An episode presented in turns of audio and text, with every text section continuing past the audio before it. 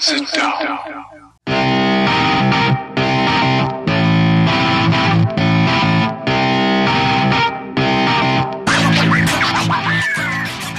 Witam wszystkich i każdego z osobna. Ja jestem Robert Kochan, a to jest Kochana NBA, najbardziej nieobiektywny podcast o najlepszej koszykarskiej lidze świata. To już 80. odcinek, a razem ze mną jak zwykle jest tutaj Wiaro. Siema Wiaro, co tam u Ciebie słychać w ten piąteczek? Siema Robert, cześć wszystkim. A, no nie jest to najlepszy piąteczek, żeby być kibicem Denver Nuggets. Także tak y, sobie, jeżeli chodzi o mój nastrój, wprawdzie to był spodziewany upadek, ale trochę jednak jest bo bardziej bolesny niż, niż się spodziewałem e, z początku, że będzie.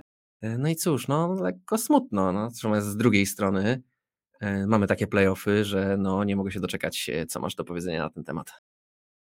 No powiem Ci, że w ogóle przez te dwa tygodnie, kiedy się nie słyszeliśmy, to tak dużo się w NBA stało, tyle ciekawych rzeczy. Te playoffy są, no, z mojej perspektywy, naprawdę bardzo ciekawe i są tym, czego się spodziewałem e, przed nimi. Natomiast e, zanim jeszcze gdzieś tam pogadamy o playoffach, to, to ja chciałbym zacząć od takiego e, starego i klasycznego już żartu. Wiaro Puk Puk. Kto tam? Na pewno nie Clippers w playoffach.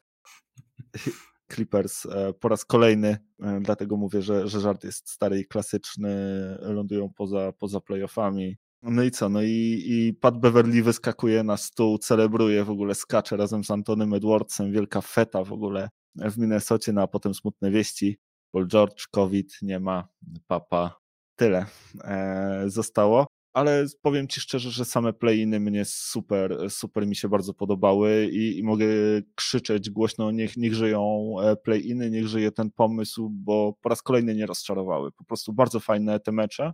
E, bardzo mi się to przyjemnie oglądało. No i co? No i można powiedzieć, że, że wyszli lepsi, tak? Bo, bo bez Paula George'a to, to Brandon Ingram z CJ'em McCollumem nas, nas rozmontowali. E, no na wschodzie to, to, to podobnie. Chyba Cavs e, jedynie mogą gdzieś tam czuć się troszkę zawiedzeni, no ale szkoda, że nie było Jareda Allena w, w pierwszym meczu. Może, może to by coś pomogło przeciwko Nets. No słuchaj, e, doskonale rozumiem Twoją sytuację, wiem jak się czujesz. E, ja też przeżyłem kilka takich e, o włosy wejść do playoffów Denver Nuggets. Słynny rzut Russella Westbrooka, który nas zresztą wyrzucił z playoffów. No jak cię Westbrook rzutem wyrzuca z playoffów, no to to jest słabe, nie? Także wiem, jak się czujesz, no ale słuchaj, na taki los kibiców w NBA mm, wygrywa tylko jedna drużyna. Już pierwszą rundę przejdzie tych drużyn y, tylko cztery z każdej konferencji, e, no a do samych playoffów też załapała się tak naprawdę mniej niż połowa ligi. No ale tak, same play-iny, rewelacja. Play-iny to jest super pomysł. Ja jestem też wielkim zwolennikiem tego, żeby to było kontynuowane. Mam nadzieję że zresztą, że po takim debiucie tego, tego pomysłu, jaki, jaki, jaki mamy, i będzie to tylko i wyłącznie kontynuowane i rozwijane. Po raz kolejny widać, że jak drużyny grają o coś, to ogląda się zdecydowanie inną koszykówkę i ta koszykówka się podoba. To jest to, co ludzie chcą oglądać. Chcemy oglądać drużyny, które ze sobą walczą, którym naprawdę zależy na tym, żeby wygrać mecz i gdzie każdy się stara pokazać tak naprawdę e, tej drużynie przeciwnej, że to my jesteśmy drużyną lepszą tak jak wspomniałem, klipsów troszkę szkoda, e, no ale tak jak mówisz, tutaj jednak e, wygrywały raczej drużyny lepsze, mimo tego, że to jest tylko jeden mecz i tutaj w sumie wszystko się może zdarzyć, to jakichś wielkich niespodzianek jednak w tych playinach e, nie mieliśmy, no bo też umówmy się, bez Pola George'a Clippers to nie jest taka sama drużyna, jeszcze faktycznie przed, przed tą nowiną, która tak naprawdę gruchnęła przed meczem, chyba dzień przed meczem, tak o ile dobrze pamiętam, jeszcze, jeszcze, jeszcze zanim to się dowiedzieliśmy, że George nie będzie grał, no to oczywiście Clippers jak najbardziej byli tutaj faworytem. Pewnie byście ten, ten mecz wygrali, co tylko pokazuje po raz kolejny, że ten pomysł jest fajny, że to nie jest jakaś straszna loteria. E, nie będzie tutaj widać jakichś takich mm, dziwnych drużyn w, w playoffach później. E, no i zresztą, żeby, żeby nie było, te drużyny z miejsc 7-8 wcale się jakoś super gorzej nie pokazują niż, niż drużyny, które się po prostu załapały do tej pierwszej szóstki mamy playoffy bardzo wyrównane, więc ja powiem Ci, że mnie się ten e, pomysł bardzo podobał. No i podobnie jak Ty liczę na to, że będzie to kontynuowane i rozwijane i będziemy mieli tego więcej. No słuchaj, właśnie pogadajmy sobie o tych playoffach, no bo w sumie to jest e, najciekawszy temat e, dzisiejszego odcinka. Powiedz mi, którąś szczególnie serię chciałbyś odpakować na początku? Spróbujemy zająć się wszystkimi, oczywiście, jeśli starczy czasu, no ale jeśli nie, to właśnie wybierzmy sobie te, które naszym zdaniem są gdzieś tam z jakiegoś tam powodu najciekawsze, czy najbardziej chcielibyśmy właśnie o nich porozmawiać. To są dwa różne pytania tak naprawdę, ale zacznijmy może od Denver Nuggets i Golden State Warriors. To jest jakby nie było seria najbliższa mojemu sercu, e, seria, w którą jestem gdzieś emocjonalnie zaangażowany, a nie tylko oglądam ze względu na to, że uwielbiam dobrą koszykówkę i NBA, więc y, zacznijmy od tego, miejmy to za sobą, tak to powiem. Miejmy to za sobą, tak? E, zerwijmy ten plaster i, i niech już nie woli, nie szczypie jak najszybciej. No słuchaj, a strasznie to wygląda po stronie Nuggets póki co. To, co wydawało mi się jeszcze do niedawna jest drużyną, okazało się, że oprócz Jokicia tą drużyną za bardzo nie jest. No, Nuggets wyglądają jak jedna z najgorszych drużyn w, tym, w tych playoffach w tym momencie, tak?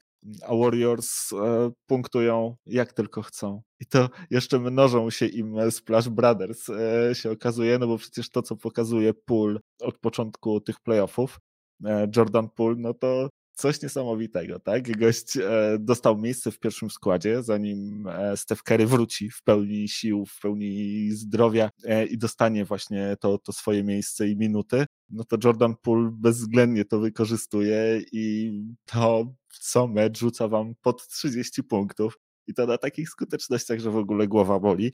E, średnia, e, jeśli, jeśli dobrze pamiętam, 63% z gry i 60 za 3. Gość rzuca na takich skutecznościach 30 prawie punktów na mecz. No to jak do tego dołożysz jeszcze Kleja Thompsona, Stefa Kerego i Draymonda Greena i jeszcze Wigginsa, który też ułamkiem nie jest, bo trzeba pamiętać, że to gość z pierwszej piątki All-Starów, to rzeczywiście po, po drugiej stronie no, ta bestia jest, jest zbyt groźna, no i Nuggets są rozszarpywani, nie? No wiesz co, powolutku, może trochę rozsądku w to wszystko wleję. Tak, postaram się przynajmniej. no więc tak, oczywiście y, Warriors deklasują tutaj Nuggets, moich biednych. No i wychodzi wszystko, o czym ja wspominałem od początku tego sezonu. Y, no i cały czas gdzieś w naszych rozmowach zwracałem na to uwagę, że Denver to jest tak naprawdę koncert y, jednego, jednego muzyka, tak? Cała ta orkiestra to jest Jokic. Um, niestety kolegów ma jakich ma. Um, no i w tych najważniejszych meczach, wtedy kiedy naprawdę mm, bijemy się o zwycięstwo, które jest naszym być albo nie być, um, no ciężko, ciężko tutaj wymagać od, od reszty ekipy czegokolwiek, no bo, no bo nic nie, nie dali mi przez, przez y, lata jakich, jakichś wielkich podstaw do tego, żeby, y, żeby móc na nich liczyć w playoffach. E, jakby nie było, sukcesy Denver opierały się przede wszystkim na grze Jokicia i Jamala Murray'a. No Murray'a nie ma, Portera Dziurora też nie ma, to jest wiadoma sprawa, więc ja cały czas powtarzałem, że to jest siła, siła złego na jednego, tak jak to się mówi. No bo to jest Jokic plus tak naprawdę Montemoris.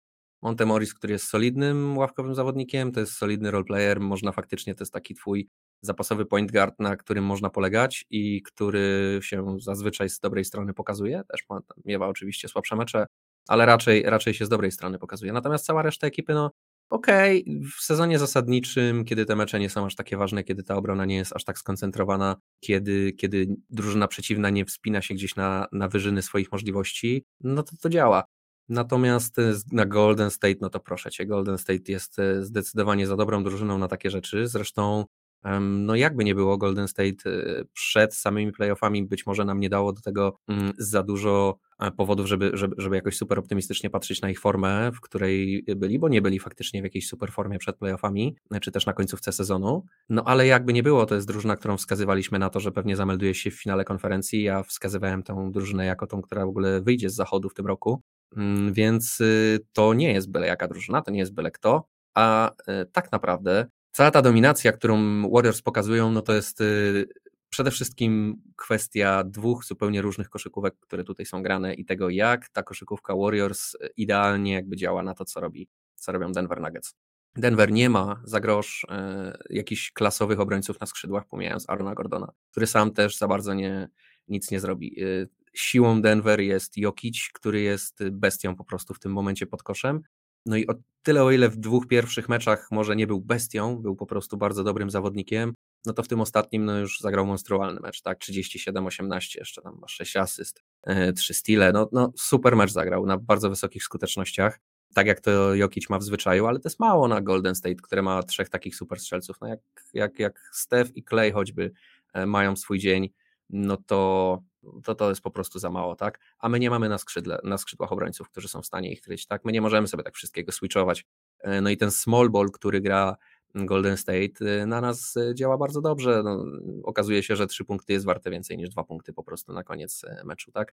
No i to też było widać wczoraj. Wczorajszy mecz myślę najlepiej obrazuje to, jak te drużyny w ogóle są skonstruowane i to jest taki, taki mikrokosmos tego, jak cała seria wygląda.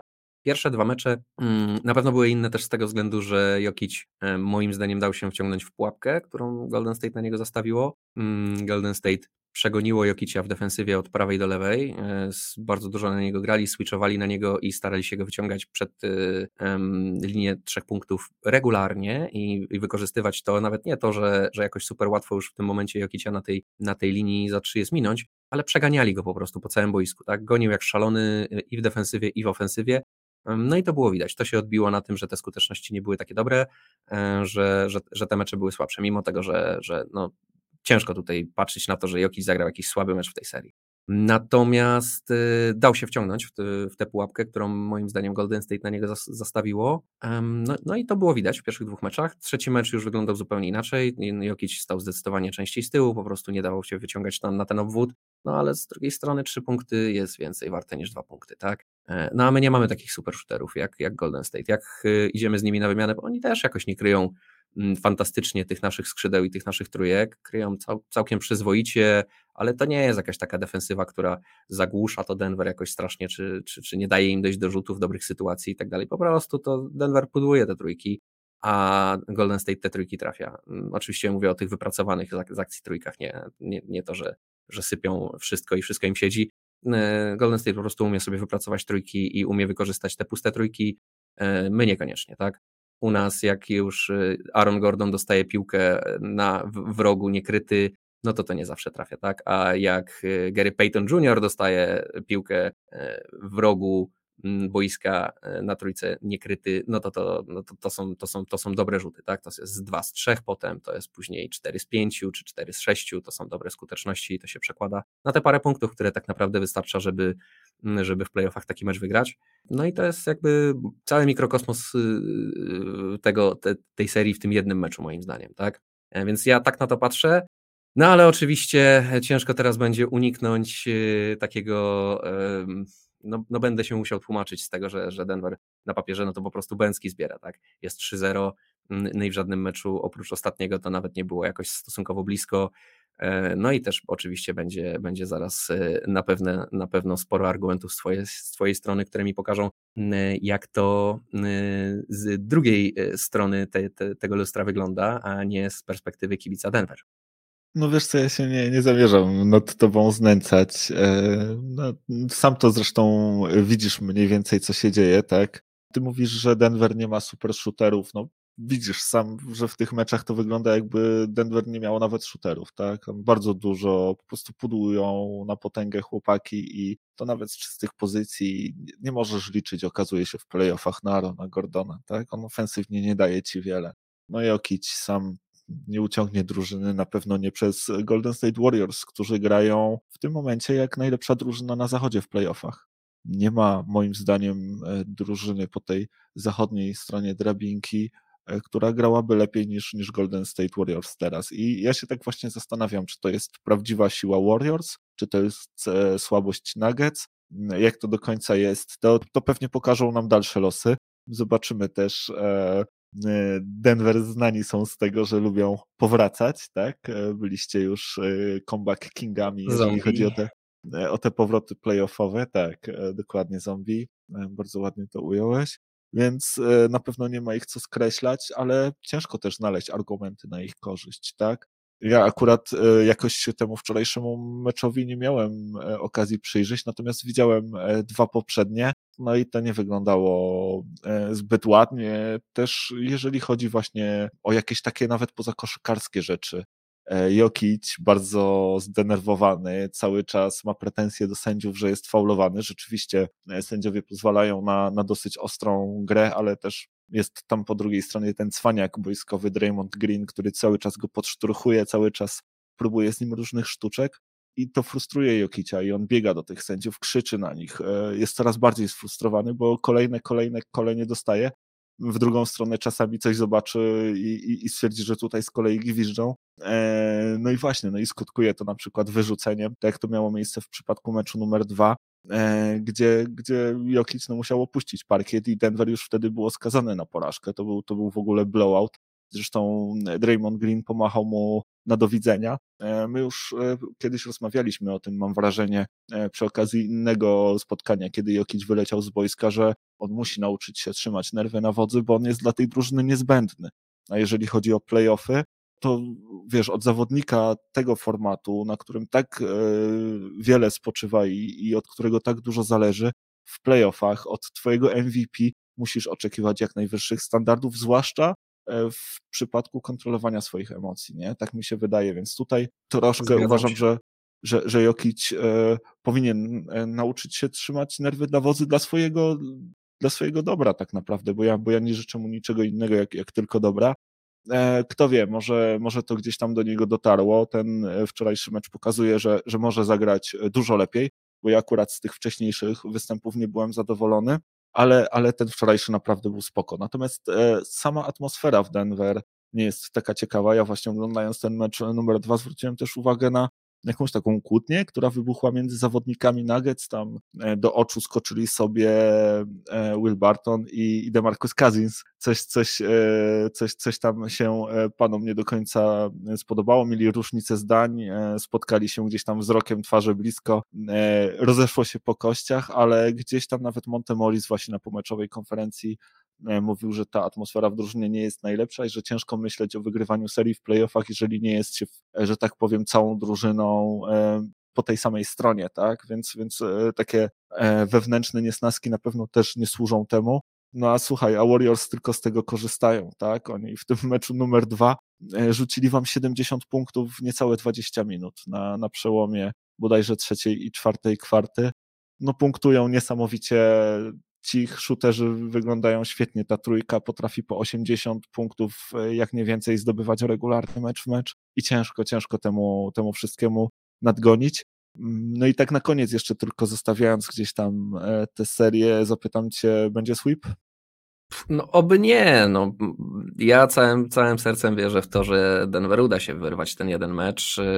No Jokic to jest jednak wybitny zawodnik i pokazał to myślę w ostatnim meczu. Ja, wiesz, no on, ja go już od dawna oglądam, on raczej ma dobre mecze, a nie złe. Jemu się zdarzają wpadki. E, to jest jednak jeden z tych zawodników, na których można polegać. Ja nie mam tutaj do niego żadnych wątpliwości, żad...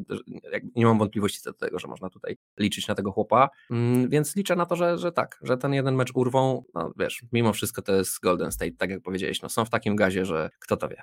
No tak, ten ostatni mecz na pewno pozwala mieć trochę więcej optymizmu, bo, bo gdyby powtórzył się ten scenariusz z dwóch pierwszych, to absolutnie obstawiałbym sweepa, teraz nie jestem pewien. Gracie u siebie, zawsze tam byliście mocni, E, więc, więc może jest szansa wyrwać, wyrwać jeden w San Francisco. Raczej tego nie widzę.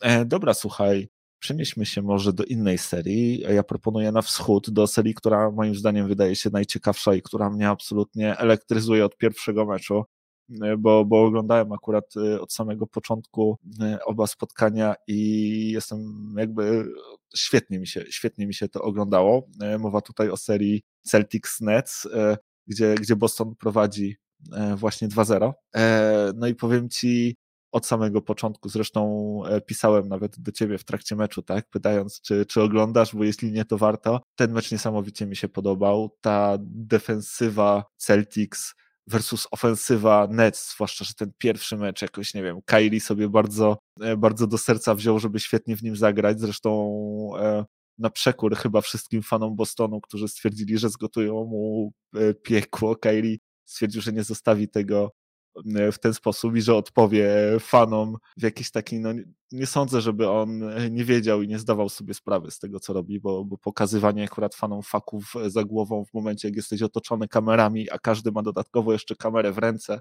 to nie może ujść płazem. E, no i też, też nie uszło, skończyło się na karze zresztą na 50 tysiącach, zresztą nie tylko za to, bo, bo tam dużo jeszcze pyskówek było. E, no ale powiem ci, że do samego końca myślałem, że Kairi po prostu uciszy tę publiczność. Zresztą było widać, że on nie pragnie niczego innego bardziej, e, co, co, co też właśnie pokazał gdzieś tam w ostatniej akcji Brooklynu, gdzie, gdzie tę piłkę przeholował i za późno oddał do, do Kevina Duranta, dlatego właśnie, że, że pewnie chciał ten mecz sam wygrać. No powiem ci, super, super, super mecz, nie? I to, jak on się też w ogóle skończył, w jaki sposób, jak Markus Smart dostał tą piłkę na linii rzutów za trzy, to ja wstałem po prostu przed komputerem i zacząłem krzyczeć nie, e, życząc oczywiście e, dobrze Celtics, z którymi akurat trzymałem e, w tym meczu. No i na szczęście, na szczęście natknął go Bóg koszykówki. Markus stwierdził, że zrobi pierwszy w swojej karierze pump fake i, i, i potem jakoś udało się podać do tej Tuma, który, no, który, który wyrasta po prostu na super gwiazdę, tak? Bo oprócz e, tego, co dołożył, ten mecz się zaczął dla niego fatalnie. On tam zarówno on, jak i Durant bardzo słabo im szło w ofensywie. Nie trafiali w ogóle rzutów, natomiast im mecz e, nabierał rozpędu, tym, tym, tym bardziej też Tatum w sumie się rozpędzał, bo Durant miał chyba tylko trzecią kwartę udaną ale też właśnie oprócz tej ofensywy w drugiej połowie dołożył do tego fantastyczną defensywę i super starał się utrudniać życie Durantowi. Wiadomo, że niemożliwe jest zatrzymać do końca Duranta, ale no mam wrażenie, że, że ta defensywa Celtics jednak odciska na nim jakieś piętno i Kevin Durant nie jest sobą w tej serii i to też mogliśmy zobaczyć e, w drugim meczu, nie? Bo, e, bo ten drugi mecz no, sprawił, że wiele osób zaczęło Kevina kwestionować, nie?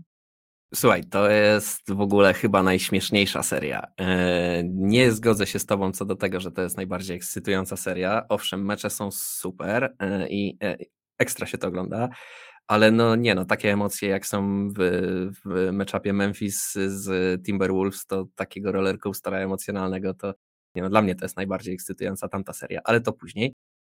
Więc tak, po pierwsze, y, cała, cały ten buzzer beater z pierwszego meczu to jest dla mnie śmiech na sali. Ja nie mogę w ogóle w to uwierzyć, że coś, że co tam się stało. Wszyscy wiedzą, że ja nie jestem żadnym fanem Nets. Y, natomiast to, co Nets robili, to po prostu ja się, ja, ja, ja płakałem ze śmiechu, jak to widziałem. Kevin Durant i Kyrie Irving oglądali to wszystko po prostu, jakby byli, nie wiem, w muzeum stali sobie po prostu, podziwiali eksponaty. E, no i tak jak mówisz, Markus Smart dostał piłkę na trójce. Markus Smart, znany snajper w NBA, tak? Wszyscy wiemy, że o, jak Markus rzuca, to, to wszyscy kibice Celtics wstają, łapią się za głowę, mówią nie. I zamiast dwóch gości skakać mu do bloku i przelecieć nad nim, wylecieć gdzieś w trybuny, to po prostu powinni się zatrzymać, zacząć bić brawo i krzyczeć tak, rzucaj Markus, dawaj i ustawić się do zbiórki. No ale nie, no jak mówisz, Bóg koszykówki natknął Markusa, żeby zrobił pierwszy pump w swoim życiu. No i zobaczyliśmy tą akcję, którą zobaczyliśmy. No niesamowita akcja. To, co Tatum w ogóle zrobił, jak był w stanie się odwrócić na totalnym instynkcie, tak? I zapakować, znaczy zapakować, no, wyłożyć idealnie piłę na tablicy. E, to jak oni się zmieścili w zegarze, to jak to w ogóle wygląda później na powtórkach, no niesamowita akcja. Natomiast jakbym był trenerem Nets i, i to, to, to, ja nie wiem, jakim kijem po jajach bym tam po prostu prał chłopaków za tą defensywę w tej ostatniej akcji, kto to w ogóle wymyślił i, i, i co im przyszło do głowy, żeby tak to zrobić co robił Kyrie, co robił Durant. Um, no słuchaj, Nets przegrywają te mecze na, na, na, na, własne życzenie moim zdaniem. Ja oczywiście bardzo lubię Celtics. Y, ta drużyna zaczyna coraz bardziej mi się podobać. Y, dużo jest tutaj takich śmiechowych dla mnie rzeczy, bo choćby to, że mamy Markusa Smarta jako Defensive Player of the Year w tym roku, co jest dla mnie no, zadziwiające w pewien sposób. Oczywiście rozumiem, tak, to jest świetny obrońca, jasne, tylko że jego obrona to jest jeszcze to jest jeszcze do tego teatr, to jest jeszcze do tego cwaniactwo i, i, i najróżniejsze inne rzeczy. On ma pełny pakiet tego, tych, tych zagrań defensywnych i, i takich yy, zgodnych z zasadami, takich po, gdzieś poza zasadami i na granicy tych zasad i, i wszędzie indziej dookoła, całej tej szarej strefie. Ale to jest fajna drużyna, no ciężko tym, tym, tym Celtom w tym momencie nie kibicować. Wprawdzie ja wciąż uważam, że to są takie trochę cool kids from, from, from cool town, tak? E, tacy, tacy, tacy chłopaczkowie, którzy chyba mają trochę za wysokie mniemanie o tym wszystkim, co tam się dzieje, ale powolutku naprawdę się do tego wszystkiego przekonuje. Co nie zmienia faktu, że Nets przegrywają to wszystko na swoje własne życzenie, tak? Kyrie Irving zagrał taki fantastyczny mecz, ale postanowił, że w końcówce nie będzie dzielił się piłką z Kevinem Durantem, ani nikim innym, ani w ogóle nic innego nie będzie robił, tylko postanowi sam to wygrać. No i oczywiście się nie udało, a to, co się dzieje z Kevinem Durantem, to jest dla mnie totalna zagadka. Ja akurat nie zgadzam się co do tego, że to jakoś defensywa Celtics strasznie mu tutaj działa na nerwy, czy jakoś wielce go tutaj zatrzymuje. defensywa Celtics owszem robi bardzo dobrą robotę na Kevinie Durancie, co nie zmienia faktu, że Kevin Durant wciąż oddaje takie rzuty, jakie chce oddawać i zazwyczaj on te rzuty trafia na zdecydowanie lepszych skutecznościach niż, niż w tej serii.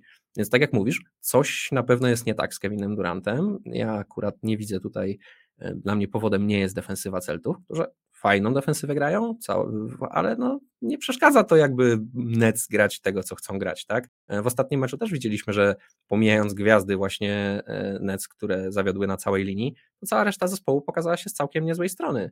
Więc, a to też nie jest tak, że Kyrie Irving i Kevin Durant oddają rzuty, gdzie są kryci przez trzech zawodników i to są jakieś, e, nie wiem, crazy rzuty z zagłowy czy coś w ten deseń. Nie no, Kevin Durant ma bardzo dużo czystych okazji, tylko że tego nie trafia, nie? Mm, no a Kairi to jest Kairi, to ładnie, ładnie gdzieś tutaj e, to dzisiaj powiedziałeś. On czasem tą gwiazdą jest, czasem tą gwiazdą nie jest, nie? No ten typ tak ma.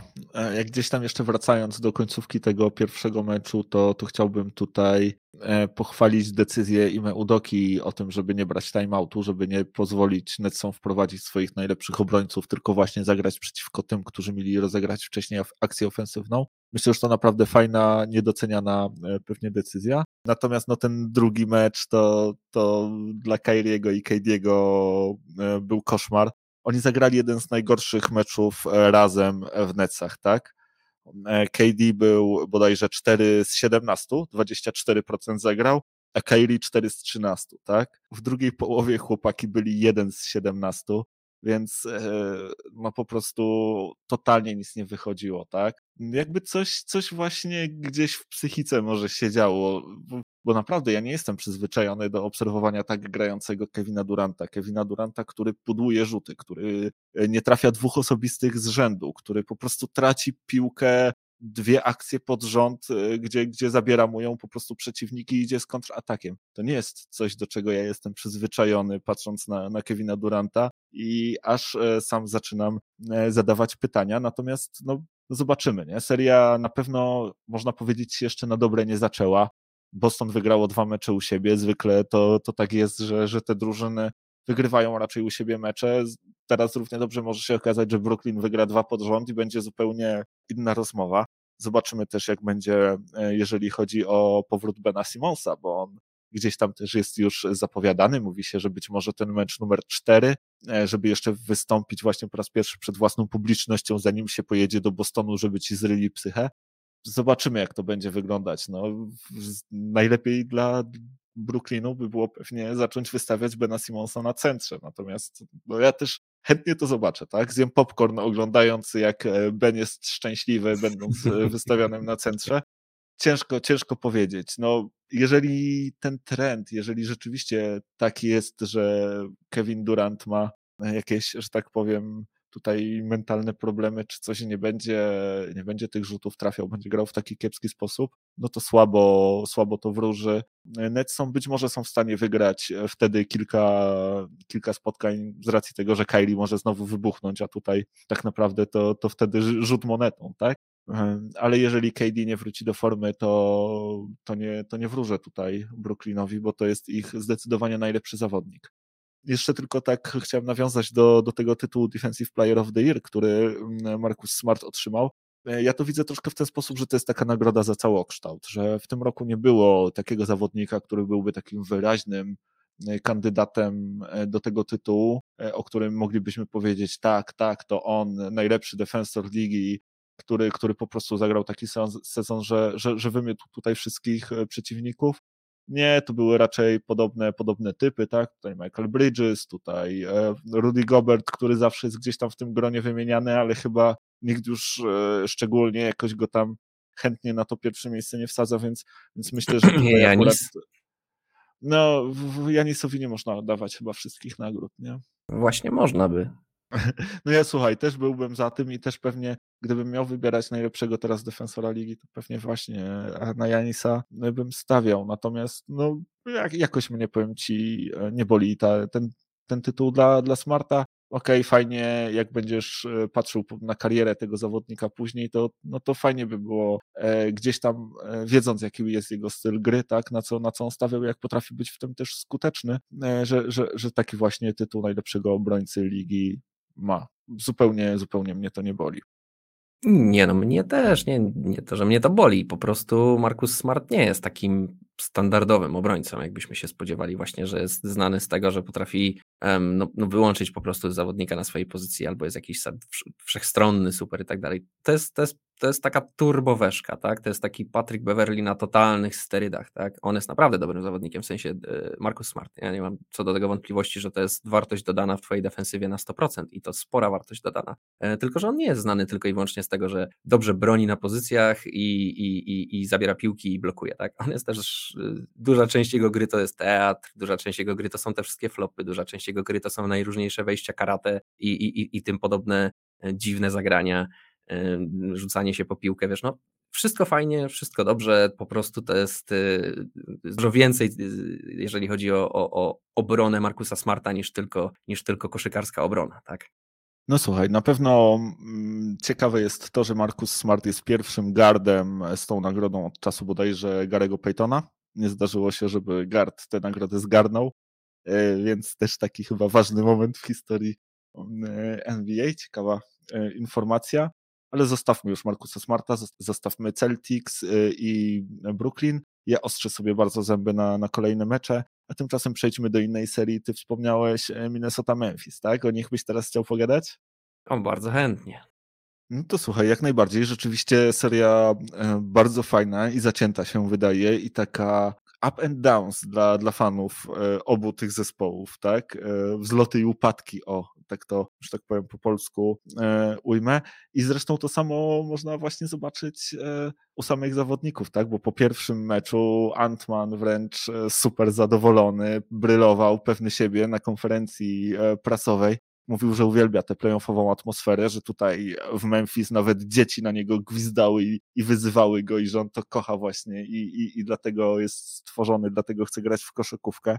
No Minnesota wtedy e, rozbiła fatalne grające Memphis, e, fatalnie grające Memphis. Ja przyznam ci się, że zresztą ciężko mi sobie było przypomnieć e, mecz, w którym drużyna Grizzlies zagrałaby tak słabo byłem tym jakby mocno zdziwiony. Zastanawiałem się, czy, czy to będzie trend, czy, czy uda im się odmienić losy. No i rzeczywiście wy, wygląda na to, że, że po tym właśnie pierwszym fatalnym meczu, kiedy nic nie wychodziło, tak, zupełnie i nic nie potrafili stworzyć e, gracze Grizzlies, no totalnie się, totalnie się odbili. E, zaczęli tą Minnesotę z kolei regularnie lać w ten sposób, że aż e, wiele osób zastanawia się, czy, czy ta drużyna ma serce, bo, bo tutaj po prostu kombaki, tutaj Srogielańska, no w ostatnim trzecim meczu Grizzlies zakończyli mecz serią 50 do 16, tak?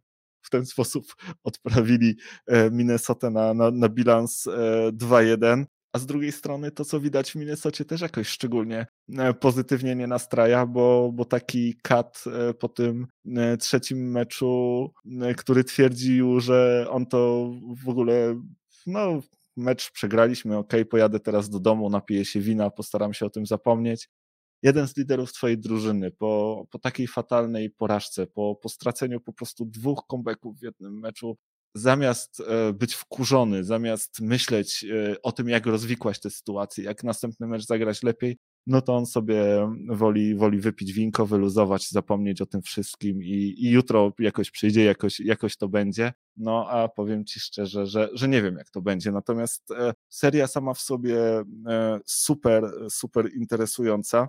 A tobie jak się ona podoba? Nie, no ja ci mówię, dla mnie to jest najbardziej ekscytująca e, seria w playoffach w tym momencie. Są właśnie największe, największe niespodzianki, tak? Dzieje się bardzo dużo, to jest emocjonalny roller coaster. Mm, natomiast y, mówisz, że nie wiesz, jak to będzie z katem. No to ja ci powiem, że wspominałeś tutaj o trendach.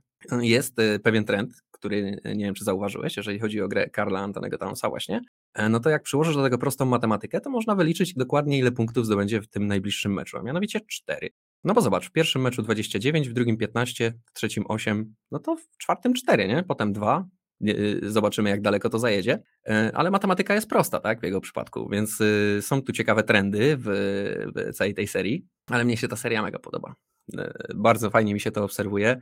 Bardzo fajnie mi się też obserwuje właśnie te wzloty i upadki tych zawodników, e, te, te, te comebacki Memphis, no to co wczoraj zrobili, no to po prostu proszę cię. kiedy, kiedy ostatnio coś takiego widziałeś? Fantastycznie się to ogląda jeszcze w playoffach, taka atmosfera. Pod wrażeniem ogromnym jestem tej serii. Minnesota, słuchaj, no Minnesota stawia pierwsze tak naprawdę kroki w playoffach, tak? To jest pierwsze, pierwsza styczność Edwardsa z, z poważną koszykówką.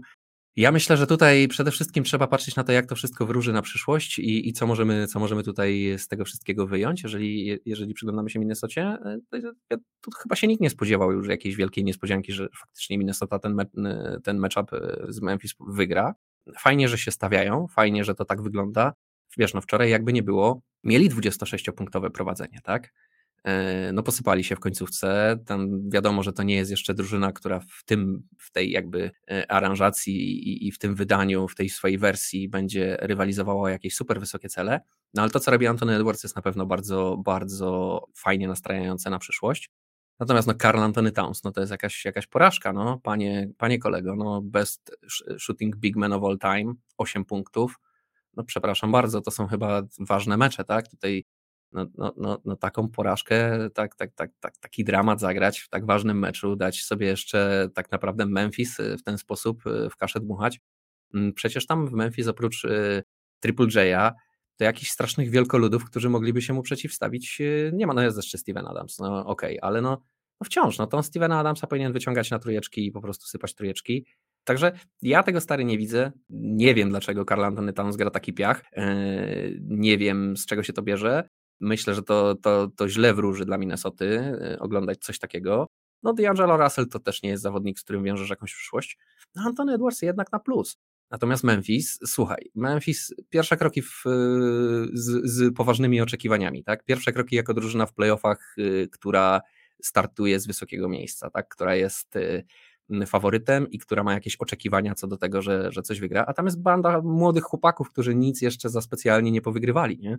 Mm, więc y, mnie nie dziwi, że mieli takie potknięcie w pierwszym meczu, nie dziwi mnie to, wydaje mi się, że mogły właśnie nerwy wziąć tutaj e, górę, te, te, te, te emocje związane z, z tak ważnym meczem i rozpoczęciem playoffów, y, no tym razem z pompą, a nie na zasadzie takiej, że i tak nikt na nas nie stawia i, i co będzie, to będzie.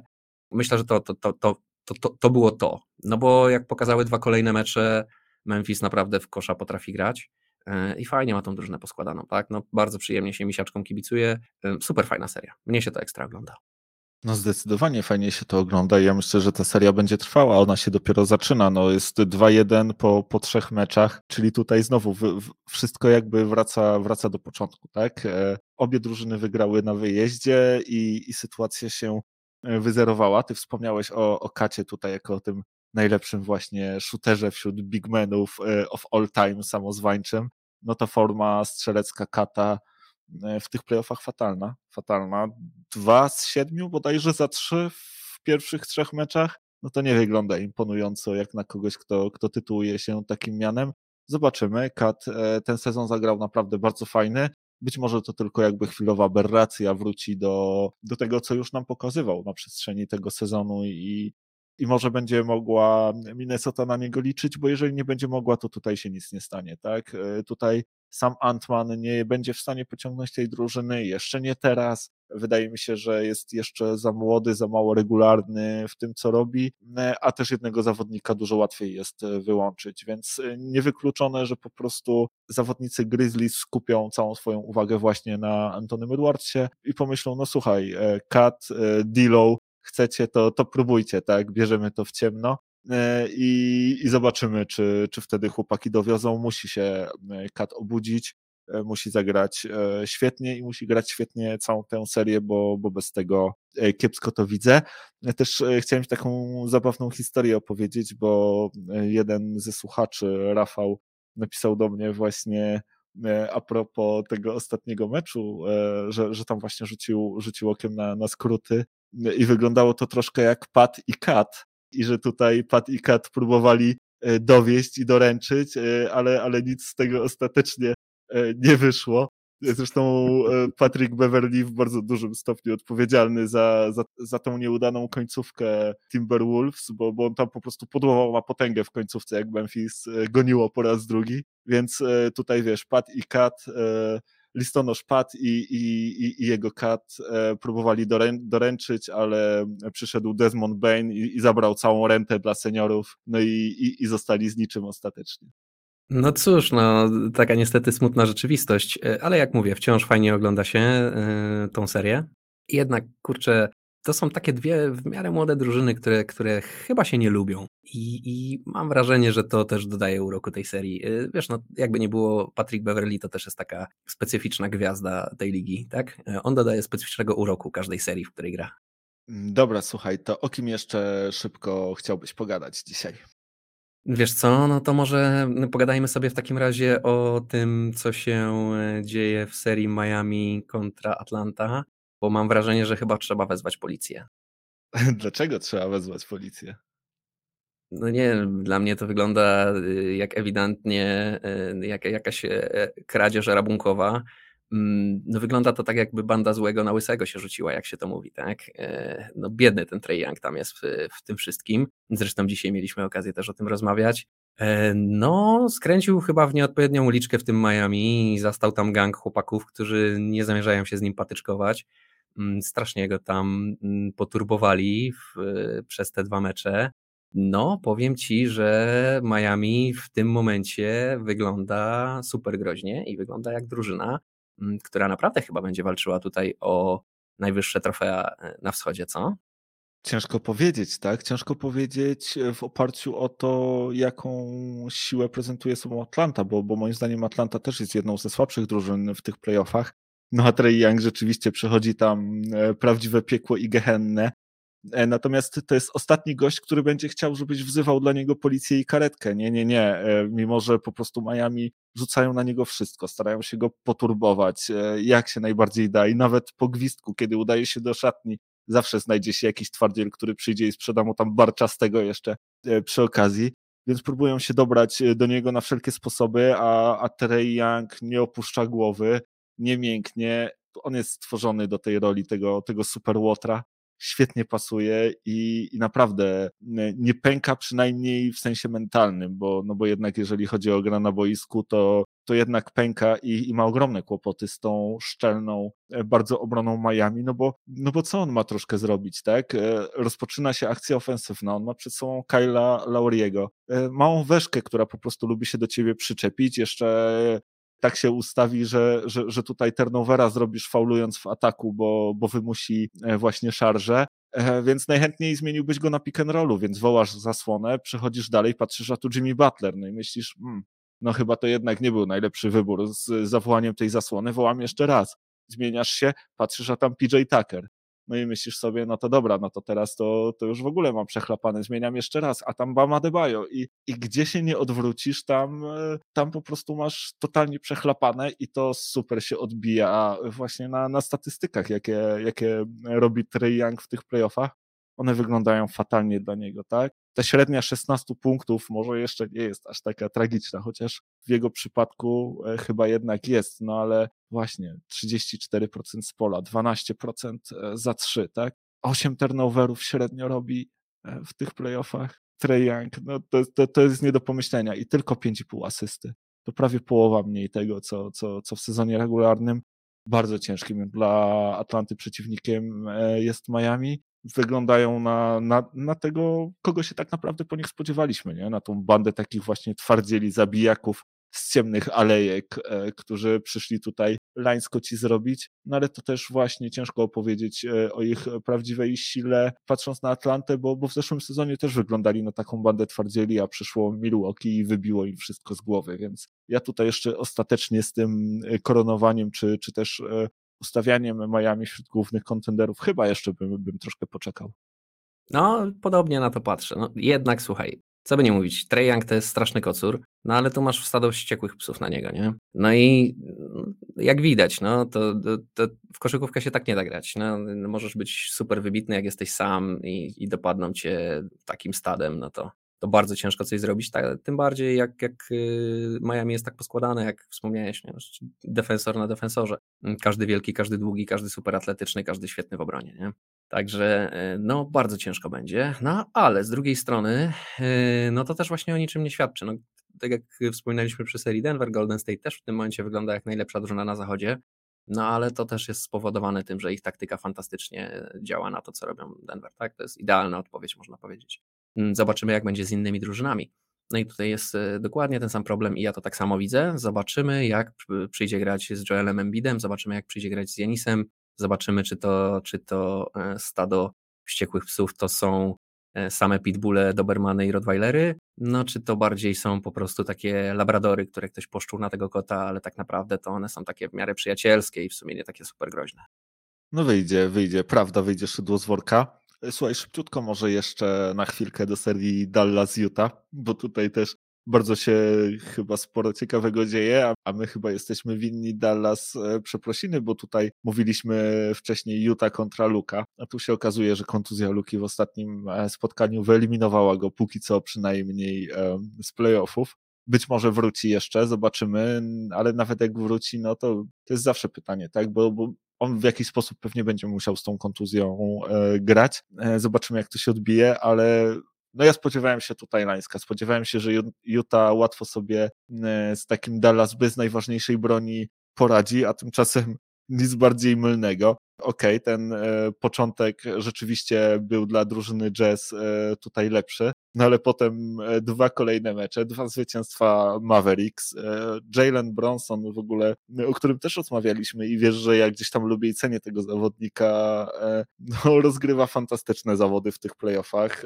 Zresztą jak każdy niski guard przeciwko Utah, tak? Bo, bo ta drużyna jest znana z tego, że ci gracze obwodowi e, po prostu totalnie roz, potrafią rozwalić tę drużynę, czy to właśnie tak jak ty mi dzisiaj wspominałeś, e, Jamal Murray czy, czy Terence Mann, tak? E, kogokolwiek, kogokolwiek tam nie masz, to, to po prostu ci gracze przeciwko Utah pokazują pełnię swojej możliwości, e, rozstrzeliwują tę drużynę. Podobnie jest właśnie tym razem Dinwiddie z Bronsonem e, świetnie sobie e, tam po, poczynają no i słuchaj, i, i, i, rozwalają totalnie, tak? Bronson 24 w pierwszym meczu, ale potem 41 punktów, 31 punktów. I powiem ci, że Utah zaczynają mieć coraz większe kłopoty, bo się okazuje, że to są te same problemy, tak? Że że tutaj nic się nie zmienia, latka lecą, a my się musimy dokładnie mierzyć z tym samym. Musimy się mierzyć z tym, że mamy obronę pod koszem i żadnej obrony gdzieś indziej, a nasza podkoszowa obrona nie jest w stanie zdążyć do trójki z rogu i, i zostajemy za to potężnie karceni. I e, jak to tak dalej będzie wyglądać i, i Luka sobie, nie wiem, stwierdzi, że on sobie spokojnie odpocznie, bo, bo Dallas i tak przejdzie tę pierwszą rundę bez niego i tak się rzeczywiście stanie i, i Utah odpadnie, to nie chcę o tym myśleć, co się, co się tam będzie w tej drużynie działo,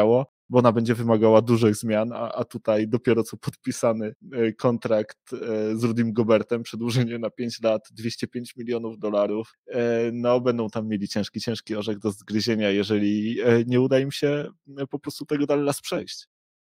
No i prawdopodobnie im się nie uda. Słuchaj, ja w ogóle nie wiem, czy ja muszę tutaj cokolwiek mówić. Już tyle rzeczy powiedziałem na temat Utah przez całe, całą naszą mm, kolekcję podcastową. Powiadałem się wielokrotnie na temat tego zespołu i dlaczego to jest wszystko patykiem na wodzie pisane. No i czyny mówią więcej niż słowa, więc to, co robimy Dallas z, z Utah w tym momencie więcej wam wszystkim powinno mówić niż, niż to wszystko, co ja teraz powiem. Także mm, ja to zostawiam w rękach chłopaków, bardzo fajnie to robią, bardzo mi się podoba.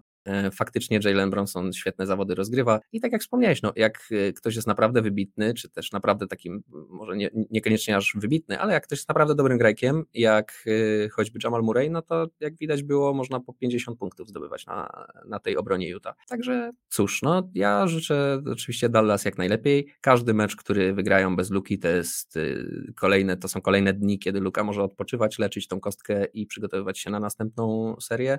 Także super, mnie się to wszystko bardzo podoba.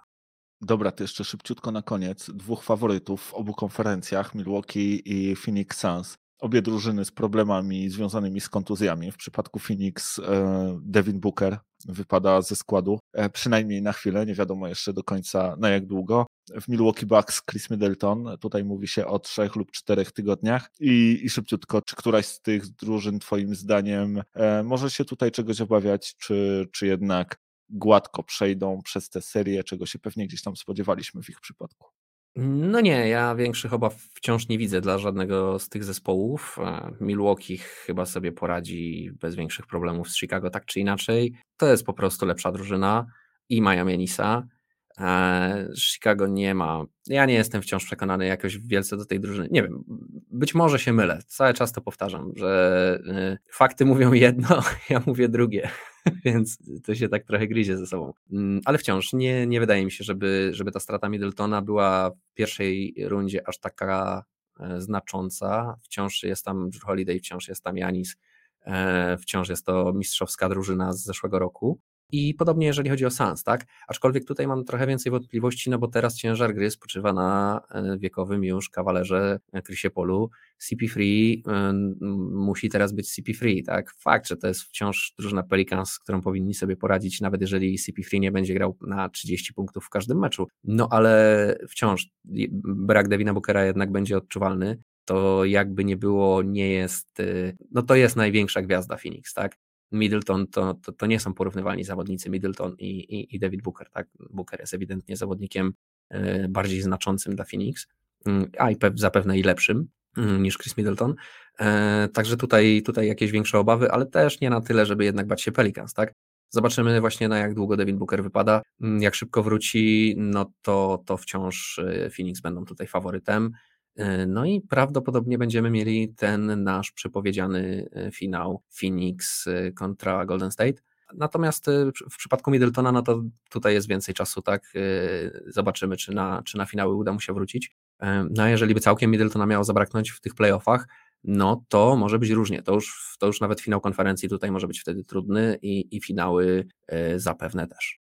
No słuchaj, myślę, że na ten moment z prognozowaniem finałów e, pewnie jeszcze powinniśmy sobie e, dać czas, zobaczyć jak te serie się rozwiną. Finały, finały daleko przed nami, e, blisko na pewno jeszcze mnóstwo emocji i blisko też pewnie kolejny odcinek naszego podcastu, który już za tydzień i teraz już serdecznie Was na niego zapraszamy. Pamiętajcie, że możecie też pisać do nas w każdej sprawie, zarówno na kontakt małpka jak i na Facebooku. No i chętnie przeczytam, co macie do powiedzenia. E, piszcie do nas e, śmiało, no i co? No i mam nadzieję, słyszymy się za tydzień, nie? No dokładnie tak. Nic dodać, nic ująć. Trzymajcie się cieplutko i do usłyszenia za tydzień. Cześć. Trzymajcie się, hej.